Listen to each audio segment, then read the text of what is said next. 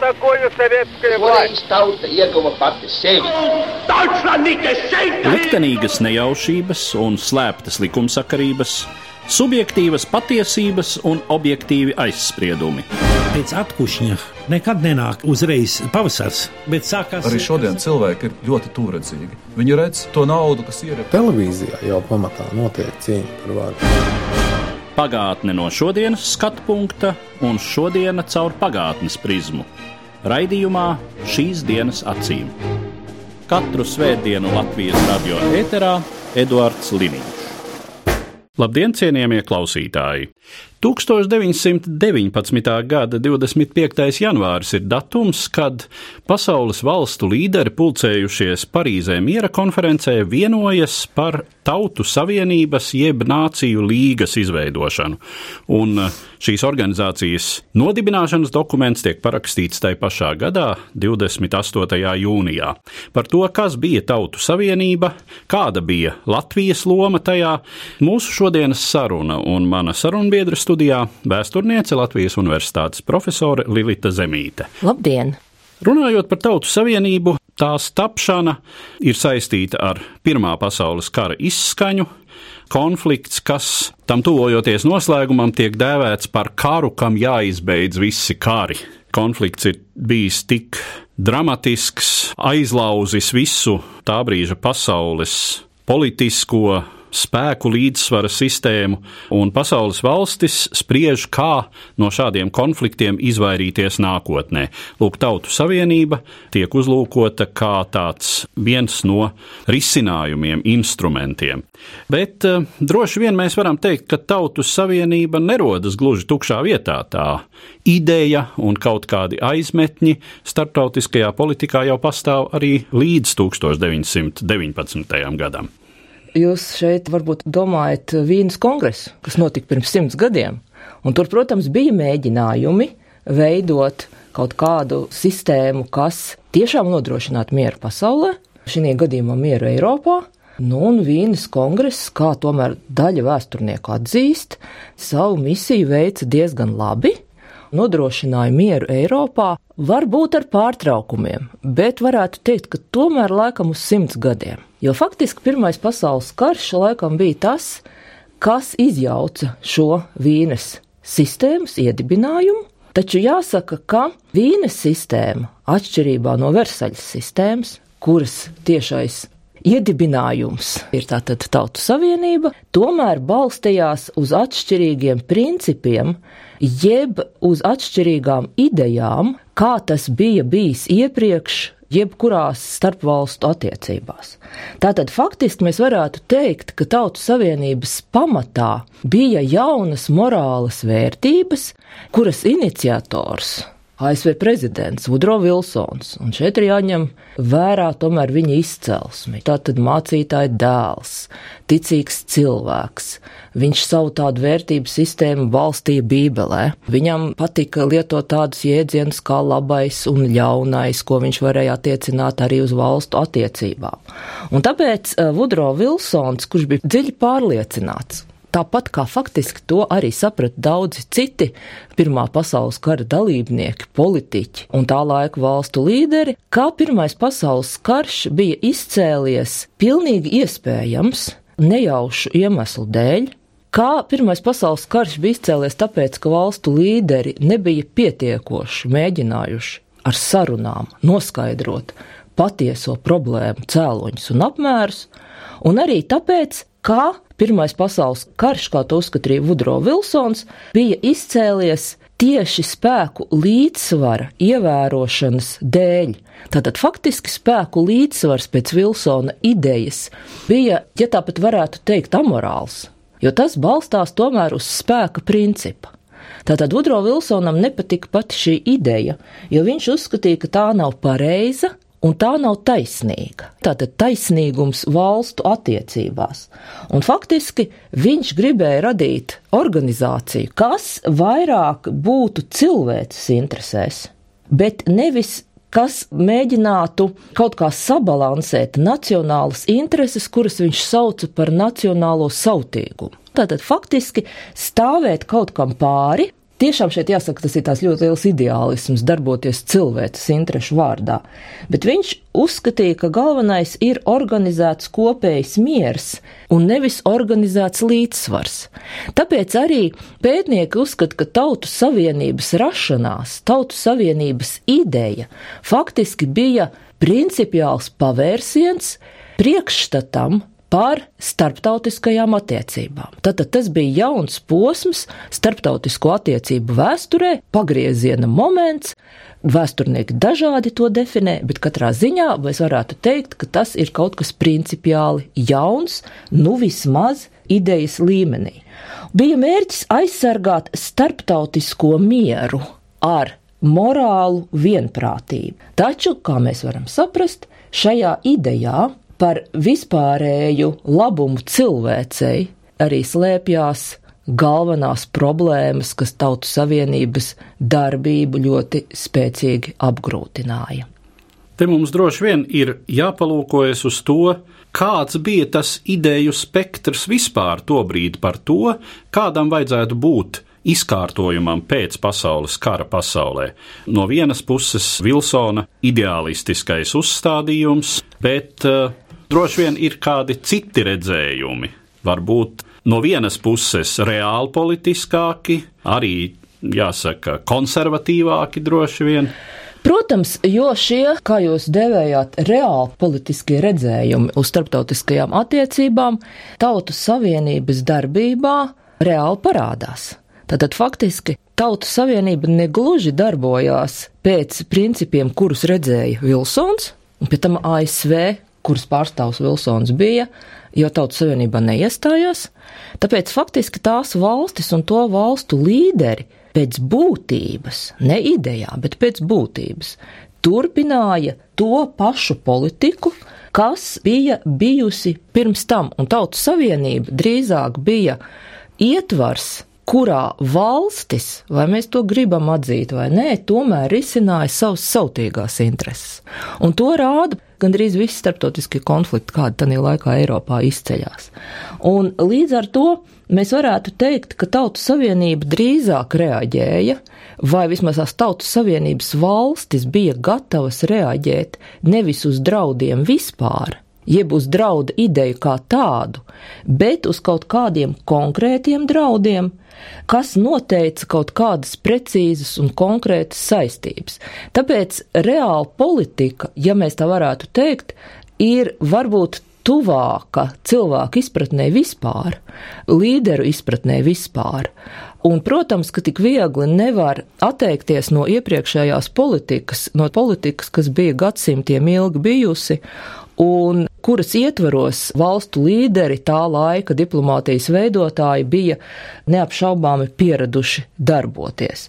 Jo, ja mēs runājam par kolektīvo drošību, kas faktiski ir tautas savienības idejas pamatā, tad tur tas pamata priekšnoteikums tomēr ir tas, ka visām valstīm vajadzētu vienādi saredzēt, saprast draudus drošībai, un otrkārt tām būtu jābūt gatavām riskēt ar vienu un to pašu, lai šiem draudiem pretotos. Tātad neatkarīgi no tā, kur ir šie draudi - cilvēcei, pasaules mieram, tas ir jāuztver kā drauds jebkurai valstī, kas, protams, ir pārāk grūti, nu, mūsu dienās var būt par tādiem vispārējiem draudiem, mēs varētu uzskatīt, teiksim, starptautisko terorismu vai kaut ko tam līdzīgu. Bet te ir jāsaka, nekam tam līdzīgam arī faktiski nebija lemts notikt visā Tautu Savienības vēsturē, jo pasaules valstis tā arī nespēja vienoties. Vai nu par draudu raksturu, tad, tad bija dažādi priekšstati par draudu raksturu, vai arī nebija gatavs vienoties par upuriem, kuras tās būtu gatavas nest cīņā ar šiem draudiem. Un līdz ar to varbūt labāk neiesaistīties. Kādi bija tie mehānismi, kurus paredzēja Tautu Savienības dibināšanas dokumenti, kā draudu novēršanas instrumenti? Jā, tātad Tautu Savienības pakts, kas tika iekļauts Versaļas miera līguma tekstā, tika izstrādāts un faktiski reāli sāka darboties 20. gadā.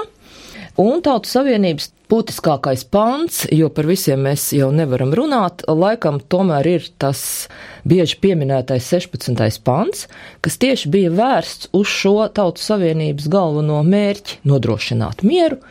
Un 16. pants paredzēja dažādus risinājumus starptautiskajiem konfliktiem, no kuriem bija gan diplomātiskas sankcijas, Tās bija ekonomiskas sankcijas paredzētas, nu, un, protams, kā pēdējais, tas draudīgākais, tās ir militāras sankcijas. Te uzreiz gan jāsaka, ka Tautu Savienības laikā sankcijas militāras nekad tā arī netika piemērotas. Tāpēc mēģināja ievērot, jeb risināt, ņemot vērā šos divus iepriekš minētos draudu novēršanas mehānismus. Nu, un, protams, ka visvairāk izplatītākais bija diplomātiskās sarunas mēģinājumi izstrādāt rezolūcijas, pieņemt dokumentus, ieņemt pozīciju ir neapšaubām redzami visā Tautu Savienības vēsturē, bet eh, bieži vien tās valstis uz kurām šie mehānismi tika pielietoti, negluži tos gribēja ņemt vērā. Ja mēs varētu teikt, varbūt pat bieži vien ignorēja.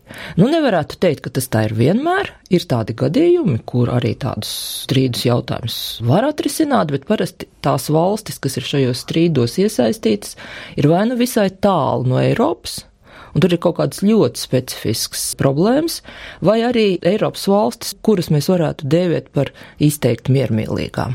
Tāds spilgts piemērs, tas ir Zviedrijas un Somijas neskaidrība pēc Pirmā pasaules kāra, kam piederēs Ālandu salas.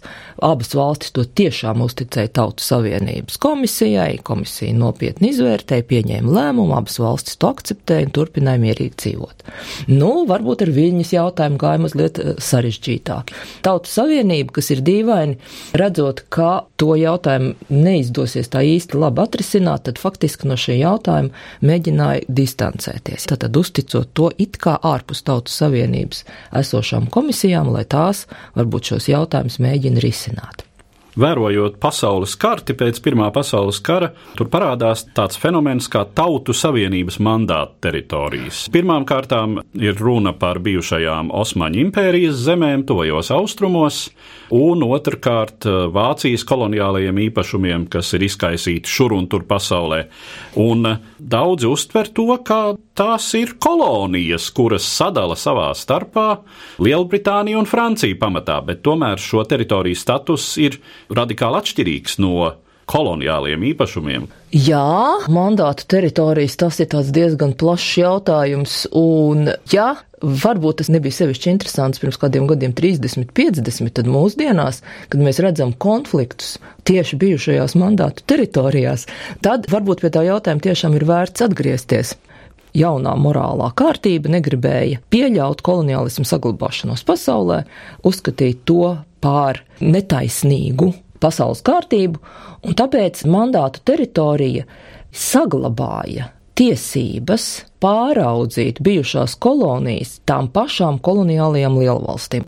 Jo šīm teritorijām, protams, nebija tādas valstiskas pieredzes, lai viņas uzreiz e, būtu ļoti veiksmīgas valstis izveidoties. Tāpēc tas bija tāds pagaidu periods, lai šīs valstis sasniegtu noteiktus kritērijus, kad tās varētu veidoties pār jaunām valstīm. Nu, te noteikti Izraels piemērs, Palestīnas piemērs, Austrumu piemēri, kur bija tādi centīgi mēģinājumi izveidot valstis. Pakāpeniski, protams, mandātu teritorijas ar laiku izzuda, un tiešām to vietā arī e, veidojās neatkarīgas valstis, taču jāsaka, ka tās daudzos gadījumos arī bija ļoti ilgstošs process. Tad, kad veidojās valstis arābu apdzīvotajās teritorijās, tad jāsaka gan, ka valstu robežas drīzāk tika vilktas ar lineālu, nekā ievērojot kaut kādus citus principus, ņemot vērā nacionālās intereses un bieži vien pat arī reliģiskās, kas arī ir austrumu pasaulē ļoti nozīmīgs fenomens. Ja mēs palūkojamies vispār uz tām valstīm, kuras tad kļūst par Tautu Savienības locekliem, ir skaidrs, ka sākotnēji Tautu Savienībā netiek ielaista Vācija.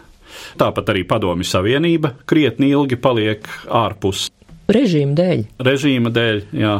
Bet um, Amerikas Savienotās valstis, kur uh, Lūk, prezidents Vilsons, kā šīs idejas tēvs, un tajā pašā laikā Savienoto Valstu kongress lemj, ka Amerikas Savienotajām valstīm nav jāpievienojas.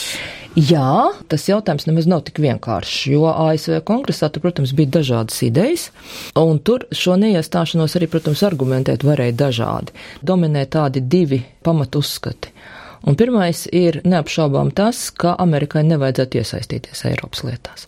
Kā Eiropa ir vainīga par Pirmā pasaules kara izraisīšanu, un tāpēc Eiropai varbūt pašai vajadzētu tikt galā. Un, protams, arī tā gaisotne, jeb laikmets, kad būtu jāsaka, ka ASV nav gatava šādai misijai uzņemties kaut kādas garantijas, saistības. Eiropas sarežģītā situācija Amerikā drīzāk tika uztverta kā apgrūtinājums.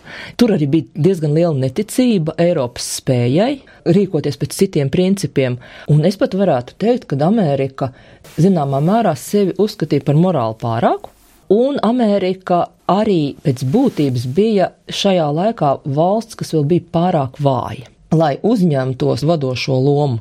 Nu, un šī realitāte, ka Amerikas Savienotās valstis Tautu Savienībā nav, arī ir viena no Tautu Savienības vājuma iezīmēm. Tātad, esot ārpus tik lielai valstī, tas problēma risinājums uzreiz ir ļoti ierobežots universalitātes trūkums Tautu Savienībā un arī citu valstu neiesaistīšanās, jeb uzreiz neuzņemšana, jeb pēc tam arī izslēgšana vai labprātīga aiziešana, tiešām ir iemesls, kas ir Tautu Savienības vājuma pazīme. Nu, kā jau jūs teicāt, Vācija tiek uzņemta 26. gadā, taču Vācija no Tautas Savienības 33. gadā aiziet labprātīgi, Krievija uzņem 34. gadā un pēc tam, sākoties Ziemas karam, tiek nu, izslēgti, ja faktiski Krievija aiziet pati, un līdz ar to paliek tas pats uzvarētāju bloks, kas Eiropā ir bijis, un līdz ar to Francija un Lielbritānija ir tās valstis, kas it kā uzņemās Tautu Savienības vadību, jeb to galveno līderu lomu, Un līdz ar to Francijas un Lielbritānijas savstarpējās attiecības, kuras ir palikušas tā kā nemainīgas gadsimtiem ilgi, arī turpina darboties kā tāds katalizators. Vai valstis noslēsies Francijas pusē, vai valstis tā kā noslēsies Lielbritānijas pusē, kura no valstīm gūst labāko no šīs līderības, tas arī varētu būt iemesls tādām vairākām neveiksmēm. Mēs zinām, ka 1919. gadā Latvija un arī pārējās divas Baltijas valstis nevar iestāties Tautu Savienībā, jo tās vēl nav atzītas de jure kā pilnvērtīgi starptautisko tiesību subjekti. Šīm valstīm kara darbībā, diplomātijā, savas politiskās sistēmas izveidē nostiprināšanā ir jāapliecina, ka tās ir dzīvotspējīgas valstis. 1921. gadā pēc atzīšanas par de jure esošiem starptautisko tiesību subjektiem, arī Baltijas valstis var iestāties Tautu Savienībā. Kā šīs jaunās un mazās valstis darbojas šai arī dzen jaunajā starptautisko attiecību mehānismā? Vispirms būtu jāsaka, ka jaunās valstis, tā skaitā arī Latvijas Tautas Savienība, liek ļoti lielas cerības. Šīs cerības, protams, ir saistītas ar vēsturisko pieredzi un uz, teiksim, tādu ļoti lielu ticību, varbūt pat drīzāk cerību šai jaunajai starptautiskajai organizācijai, jo jauno valstu, un it īpaši Baltijas valstu galvenā ideja, kāpēc tās iestājās. Protams, šeit nevar izslēgt arī to, ka tas ir starptautisks fórums un Baltijas valstīm tā arī zināmā mērā, kā jau jūs minējāt, bija iespēja reāli kļūt par starptautisko attiecību subjektu. Bet galvenokārt, protams, Baltijas valstis tur gribēja saskatīt savas pastāvēšanas un savas neatkarības un suverenitātes garantiju, stabilitāti, Nu, un šo suverenitātes garantēšanu un teritoriālo neaizskaramību jau faktiski arī garantēja Tautas Savienības statūti. Te ir jāsaka, ka Baltijas valstis un it sevišķi Latvija visu savu ārpolitiku neapšaubāmi balstīja un virzīja Tautu Savienības virzienā. Ja mēs šodien varētu teikt, ka Baltijas valstīm galvenais tāds ārpolitiskais koncepts ir Eiropas Savienība un NATO, tad šī gadījumā tas galvenais ārpolitikas komponents ir Tautu Savienība. Visa ārpolitika tiek ar to saskaņota. Ārlietu ministrijā tiek izveidota speciāla Tautu Savienības nodaļa. Latvijai ir pastāvīgais pārstāvis Ženēvā, Un Latvija arī piedalās pilnīgi visos ģenerālās asamblējas sanāksmēs. Latvija ir visur klātesoša, kas norāda to lielo tautas savienības nozīmi Latvijas ārpolitikā. Taču varam lasīt izteikumus gan Latvijas pastāvīgā pārstāvja, kas 30. gados bija diplomāts Jūlijs Feldmanis, gan Vilhelms Munters, gan pirms tam pat Zifrīds Anna Meirovits, tomēr bija izteikušies par to, ka viņu prāta Tautu Savienībā drīzāk dominē reālpolitika. Dažādu jautājumu kontekstā. Un tāpēc viņu doma bija, ka mazajām valstīm vajadzētu mēģināt skatīties pēc reālās situācijas, to rūpīgi izvērtēt un rīkoties, kā tai būtu izdevīgi. Un te mēs varētu redzēt varbūt eh, daudz tādus Latvijas balsojumus, rīcību, kur Latvija dažos gadījumos mēģina tā kā izpatikt Lielbritānijai, jo varbūt tomēr viena konkrēta valsts varētu būt garantija lielāka nekā varbūt tas izplūdušais tautas savienības mehānisms. Reāli politiski ir tāda Latvijas darbība, piemēram, kā Latvijas balsojums eh, Ziemas kara laikā, kad Krieviju tautas savienība izslēdz no savām rindām, ka Baltijas valsts atturējās. Tur ir gan jāsaka, mēs arī neko daudz citu tur nevaram prasīt, jo Tas bija 39. gads, un Latvijā bija padomju karaspēks. Ģenerālā asamblējā, kur bija jāizslēdz Padomju Savienība. Tas bija vienīgais gadījums, kad Latvija netika pārstāvēta augstākajā diplomātiskajā līmenī, ka tur balsojumā vienkārši piedalījās tikai pastāvīgais pārstāvis, bet ne ārlietu ministrs, ne arī kāda cita augstāka amatpersona. Tātad faktiski izvairīšanās. Ja mēs paskatāmies uz citām mazajām valstīm, tad, protams, ir tādi diezgan enerģiski mazo valstu piemēri, kur ir mēģinājumi ja, panākt kaut ko savu Šeit parasti literatūrā tiek minēts Šveices piemērs. Šveice ārkārtīgi dedzīgi iestājās pret PSRS uzņemšanu Tautu Savienībā. Tātad uzskatot, ka tā ir Tautas Savienības idejas noniecināšana, kad šādu valsti ar tādu režīmu uzņemt nevar. Bet arī Šveice beigās pārgāja pie tā reāla politiskā tomēr redzējumi, jo pārējās lielvalstis vienkārši Šveicē piedraudēja, ka Tauta asamblējas mīti no Ženēvas tiks vienkārši pārcelta. Un tad arī Šveice šī gadījumā piekāpās kaut gan tādu zināmu neapmierinātību arī izrādīja. Tātad Baltijas valstis, protams, mēģināja saskaņot savu rīcību, Tātad Latvija, Lietuva un Igaunija mēģināja skatīties, kāds jautājums viņām ir izdevīgāks. Un viens no šādiem piemēriem, kur Baltijas valsts savu rīcību tiešām saskaņoja, bet varbūt tas nav tas labākais piemērs un tas nav ne tas pozitīvākais piemērs, bet tas ir gadījums, kad Baltijas valstis 1938. gadā deklarēja savu tā saucamo neutralitāti Tautas Savienības ietvaros, kas faktiski pēc pašas būtības runā pretī pašai Tautas Savienības idejai. Tātad, ja valsts ir šajā kolektīvajā drošības sistēmā, tā nevar būt neitrāla. Viņai ir jāņem kaut kāda pozīcija. Neutralitāte pēc Pirmā pasaules kara zināmā mērā tika uzskatīta par amorālu.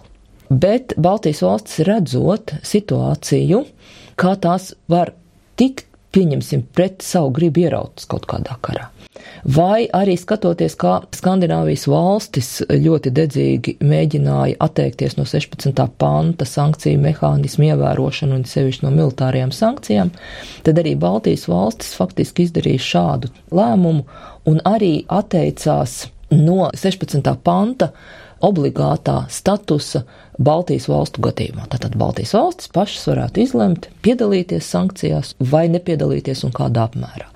Tā kā Baltijas valstis nebija vienīgās, bet tās bija vesela virkne valstu, kas šādu lēmumu pieņēma, tad, protams, mēs varam uzskatīt, ka tas faktiski ir tāds tautas savienības krahs. Un te mēs varētu arī teikt, ka varbūt Baltijas valstis bija zaudējušas savu ticību tautas savienības spēkam, idejai, jo tur jau bija pirms tam bijuši vairāki konflikti, kas to reāli parādīja, nu, piemēram, Itālijas abesīnijas karš. Un varētu arī teikt, ka Baltijas valstis varbūt mēģināja cerēt uz kaut kādiem nejaušiem pavērsieniem, vai mēģināja atrast kaut kādu veidu, kāds būtu piemērotāks, labāks, lai garantētu savu drošību un izvairītos no konfliktiem. Tā kā Baltijas valstu lēmumu diezgan grūti izskaitot, jo viņas it kā faktiski atteicās no vienīgās garantijas. Bet tas varbūt bija tāds izmisīgs mēģinājums izvairīties no kara un saglabāt savu drošību. Kā Tautu Savienība beidz savu pastāvēšanu faktiski un juridiski? Mm -hmm. Tautu Savienība faktiski beidz savu pastāvēšanu 39. gadā. Tas ir Ziemas kara laikā, un faktiski jau kara laikā Tautas Savienības sēdes vairāk nesenāk, jo Tautas Savienība, protams, nekādā veidā nereaģē. Viņi nereaģē jau uz tiem lieliem starptautiskiem konfliktiem, nereaģē ne uz Austrijas anšlusu, ne uz Čehoslovākijas neatkarības zaudēšanu, faktiski nereaģē uz otrā pasaules kara sākumu. Un tāpēc, nesenākot uz sēdēm Otrajā pasaules karā, Tautu Savienība nedarbojas. 46. gadā Tautu Savienība oficiāli savu darbību beidz, un tās vietā stājās jauna organizācija apvienotās nācijas. Latvija faktiski arī skaitās Tautu Savienības locekli, tā juridiski līdz 46. gadam. Kaut gan 40. gadā Latvijai ir jāpamet sava mītne Šveicē, Ženēvā, un tieši Latvijas pārstāvniecības vietā tādā ēkā ievācās PSRS vēstniecība, kas tā ļoti simptomātiski. Nu, un Latvija, protams, kā mēs to varētu iedomāties, 46. gadā neviens apvienoto nāciju organizācijā vairāk, protams, neaicina, jo tur priekšā ir padomju savienība savām satelītu valstīm un Latvijas pārstāvis Tautas Savienībā arī zaudē savu statusu, un Latvijas pārstāvis Jūlijas Feldmanis pēc tam kļūst par viesnieku ASV, kur Amerika viņu pieņem, un tur viņš arī darbojas līdz 53. gadam. Ja mēs palūkojamies uz Tautu Savienības funkciju un arī idejas mantinieci lielā mērā, proti apvienoto nāciju organizāciju, mm -hmm. kas ir tās Tautu Savienības darbības puses, kuras šī organizācija pārmanto, kur mēs redzam pēctecību un kur varbūt mēs redzam centienus novērst trūkumus, organizēt šo situāciju citādi nekā tas bija Tautu Savienībai un eh, kas lielā mērā izrādījās šai organizācijai liktenīgi. Ja mēs varētu teikt, kas ir jauns apvienoto nāciju organizācijas darbībā, tad tas ir noteikti mēģinājums iesaistīt pēc iespējas vairāk valstis. Apvienoto nāciju organizācija, protams, ir tā vieta, kur reāli darbojas Amerikas Savienotās valstis. Un tas varētu būt tāds principiāls jaunums. Taču skatoties vispārīgi, ir jāsaka, apvienotās nācijas veidojas tieši uz tiem pašiem principiem kā Tautu Savienība. Apvienotās nācijas veidojas tieši uz to pašu organizatorisko mehānismu un uz to pašu ideju, un tāpēc arī apvienoto nāciju organizācijas darbību visā tā darbības laikā es tomēr gribētu vērtēt par bezspēcīgu. Vai nu tas ir tāpēc, ka tur ir veto tiesības tādām valstīm kā Padomju Savienībai, tas ir viens iemesls, vai arī tāpēc, ka apvienotās nācijas neriskē sev nesvarīgu jautājumu dēļ. Apvienoto nāciju organizācija noteikti ir neefektīva kaut vai to iemeslu dēļ, ka daudzos gadījumos tā turas nomaļas. Piemēram, mēs neredzam nekādu ANO ietekmi Berlīnas krīzē pēc otrā pasaules kara 60. gados. Mēs neredzam nekādu ANO ietekmi PSRS agresijas pret Ungāriju, pret Čehoslovākiju un pret Afganistānu gadījumos. Apvienotajām nācijām faktiski nav nozīmes Kubas eh, raķešu krīzes laikā.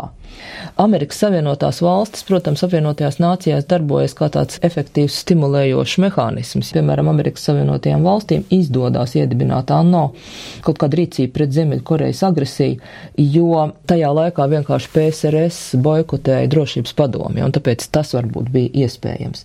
Drīzāk es gribētu teikt, ka ANO ir ērta diplomātu tikšanās vieta, Un varbūt tāds fórums apmaiņām ar idejām, taču apvienotās nācijas nevar novērst karu, tās to nekad nav darījušas, un tās faktiski arī nepritojas agresijai. Tāpēc man faktiski bija ārkārtīgi dīvaini, kad Latvijas valsts eksprezidente vai arī Vīķa Freiberga kaut kādā veidā mēģināja iesaistīties visai augstā līmenī ANO vadībā un gribēja mēģināt tur savu politisko darbību realizēt, jo man tas bija pilnīgi nesaprotams no tāda prestiža viedokļa, tas varbūt nāktu par labu ne tikai Vairēvīķai Freibergai individuāli, bet arī Latvijai. Tomēr nav gluži tā, ka apvienoto nāciju pirmām kārtām ģenerālsekretārs, vadošās personas un tā tālāk būtu nepamanīts mūsdienu -hmm, pasaulē. Mm -hmm. Protams, ir jāpiekrīt, ka arī atjaunotā Latvijas valsts meklē un ir atradusi sev citus pamat garantiju mehānismus, saprotot, ka, protams, apvienotās nācijas ir drīzāk fórums nekā regulējošs mehānisms. Jo tur piedalās visi. Ne tikai tas, ka mūsdienās jau Krievijai tur ir veto tiesības, Krievijai ir arī gana daudz iespēju atrast tur sev tā vai citādi ieinteresētus sabiedrotos. Jums priekšā uz galda ir arī viens nulle kā. Tā man iznāc... ir nulle iznākusi grāmata ar nosaukumu Rietumu pasauli modernajos laikos vēstures problēmas, un ņemot vērā mūsu šīs dienas tēmu Tautu savienība, Tautu savienības vēsture, tādā rakstu apkopojumā, ko es esmu tikko publicējis, tur ir arī, protams, viens raksts par Latviju Tautu Savienībā, saprotot, ka Latvija šādā veidā iekļāvās Eiropas politiskajā sistēmā. Taču šajā jaunajā publikācijā man ir arī daudzi citi raksti, kas ir tiešām saistīti ar rietumu pasauli 18., 19. un varbūt pat 20. gadsimtā. Un šeit es tiešām esmu arī skatījusies uz tādiem jautājumiem, kuriem mēs arī šodien nedaudz pieskārāmies. Tas ir gan jautājumi par Pirmo pasaules kāru, par Pirmo pasaules kāru problēmām, historiografiju. Tad eh, šajā darbā ir apkopots arī vairāk vairāk rakstu par ASV vēstures problēmām, un, protams, es esmu rakstījis arī par rietumu Eiropas iekšpolitikas un sociālās vēstures aspektiem, un te varbūt sabiedrībai varētu būt interesants tāds jautājums, teiksim, alkohola lietošanas tradīcijas Eiropā, Amerikā jaunajos laikos, kas parāda arī tendences, konsekvences, kopīgo un atšķirīgo. Līdz ar to mēs arī noslēdzam mūsu šodienas sarunu, kas bija veltīta Tautu Savienībai, kopš kuras tapšanas paiet simts gadi. Un es saku paldies manai sarunbiedrei, vēsturniecei Latvijas Universitātes profesorei Lilitai Zemītei. Paldies! Katru svētdienu Latvijas radio viens par pagātni sarunājas Eduards Liniņš.